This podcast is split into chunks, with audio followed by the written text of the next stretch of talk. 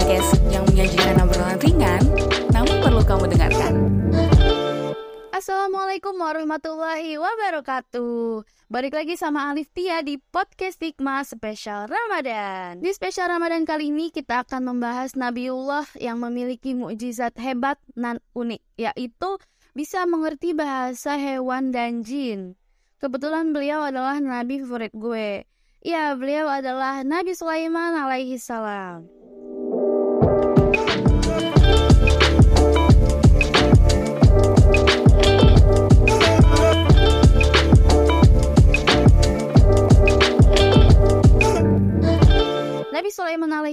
adalah putra dari Nabi Daud alaihi salam yang mana saat itu menjabat sebagai raja dari Bani Israel. Nah, semasa mudanya Nabi Sulaiman ini sudah menunjukkan kecerdasannya.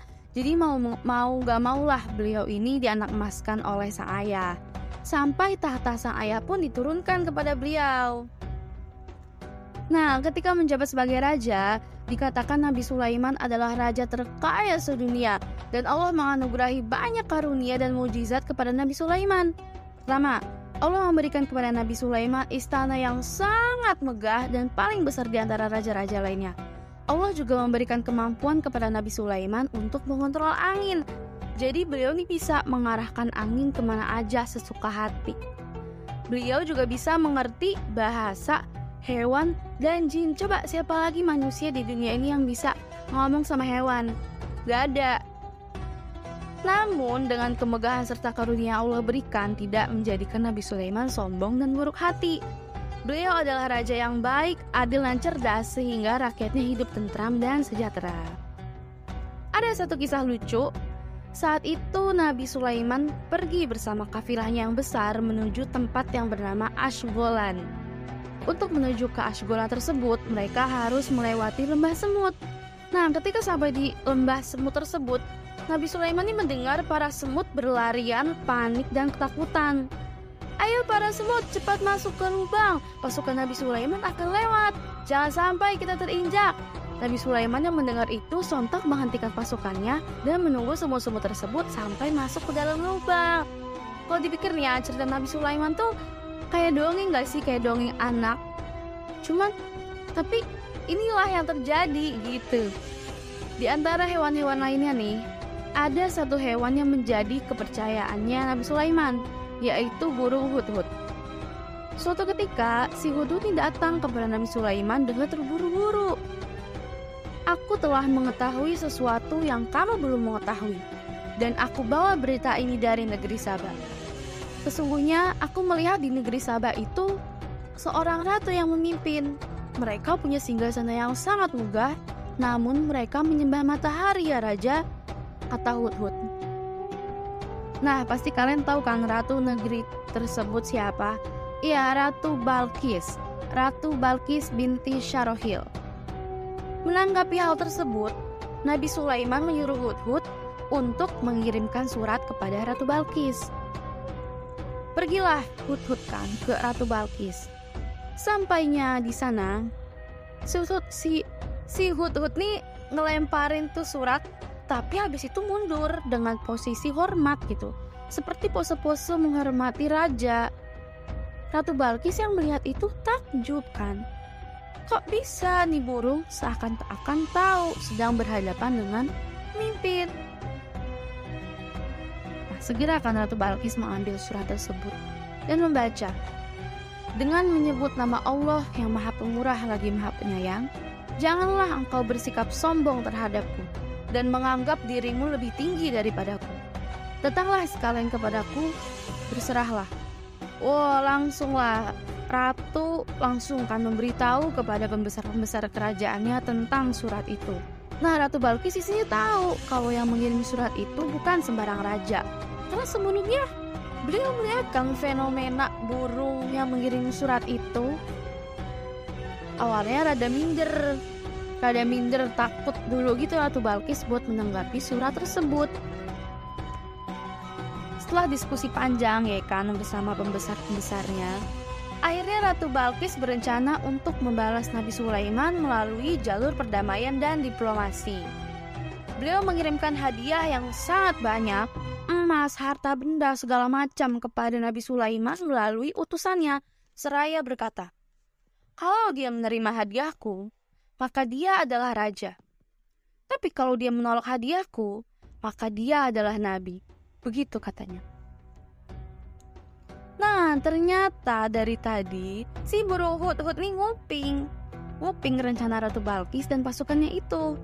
Disampaikanlah kepada Nabi Sulaiman kan rencana itu. Langsunglah Nabi Sulaiman memerintahkan jin-jinnya untuk membangun bangunan yang megah hingga menyilaukan mata untuk menyambut utusan tersebut. Singkat cerita, sampailah sang utusan kepada Nabi Sulaiman dan menyampaikan maksud dan tujuan mereka. Nabi Sulaiman pun berkata, Kembalilah kalian dengan hadiah ini. Sesungguhnya Allah telah memberikanku karunia dan nikmat yang tidak diberikan ke satupun makhluknya.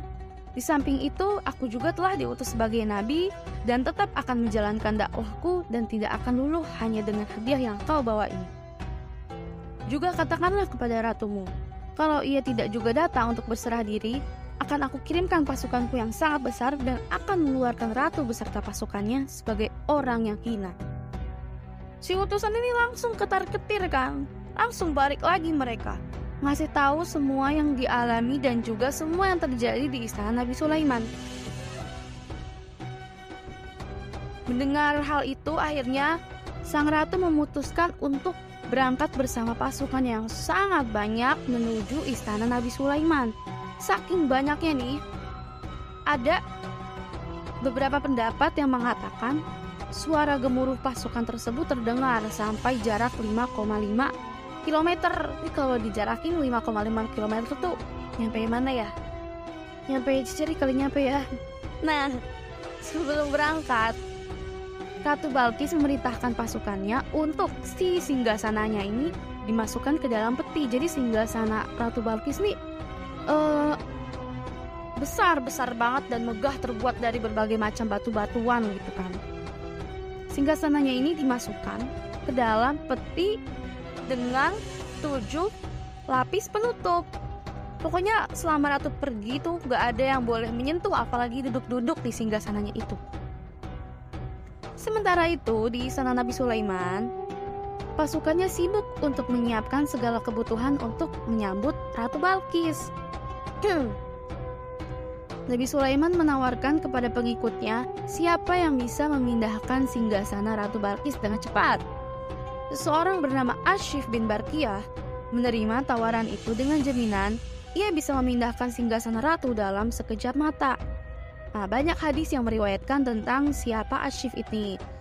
Ada yang bilang beliau adalah ulama, ada yang bilang menteri, ada juga yang bilang Ashif adalah sepupu Nabi Sulaiman, bahkan ada yang mengatakan Ashif ini adalah malaikat Jibril.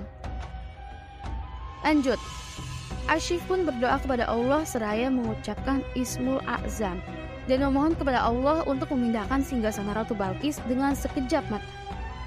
Dan dalam sekejap mata itu, Nabi Sulaiman beserta pasukan yang lain melihat singgasana besar itu sudah ada di depan mata mereka. Nah, ketika cerita, sampailah Ratu Balkis di istana Nabi Sulaiman kan setelah berhari-hari menempuh perjalanan panjang. Baru sampai, Ratu Balkis nih kaget melihat singgasananya kok tiba-tiba ada di sini. Ini mirip banget ya sama singgasanaku. Kalau bisa tiba-tiba di sini, kapan ngambilnya gitu kali kurang lebih. Lalu Nabi Sulaiman langsung mengajak ratu ke dalam ruangan yang mana memang seluruhnya dibangun dengan kaca-kaca putih hingga Ratu Balkis nih menyingkap bajunya sampai ke betis karena ia ngira lantai yang dia injak itu air kolam. Lalu Nabi Sulaiman pun berkata, Tak perlu engkau melakukan itu, karena yang kau injak ini hanya kaca. Tersadarlah Ratu Balkis kan, sesungguhnya kekuasaannya tidak ada apa-apanya dibandingkan kekuasaan Nabi Sulaiman yang diberikan Tuhannya. Maka dari itu, segeralah Ratu Balkis berserah diri dan beriman kepada Allah Subhanahu wa taala. Masya Allah. Oke Sigmania, begitulah kisah Nabi Sulaiman yang penuh kekaguman yang insya Allah akan menambah keimanan kita semua khususnya di bulan Ramadan ini. Amin ya robbal alamin. Jangan lupa dengerin podcast Sigma lainnya dan invite media sosial kita di web, Instagram, dan YouTube LPM Sigma. Alif Tia pamit undur diri. Wassalamualaikum warahmatullahi wabarakatuh.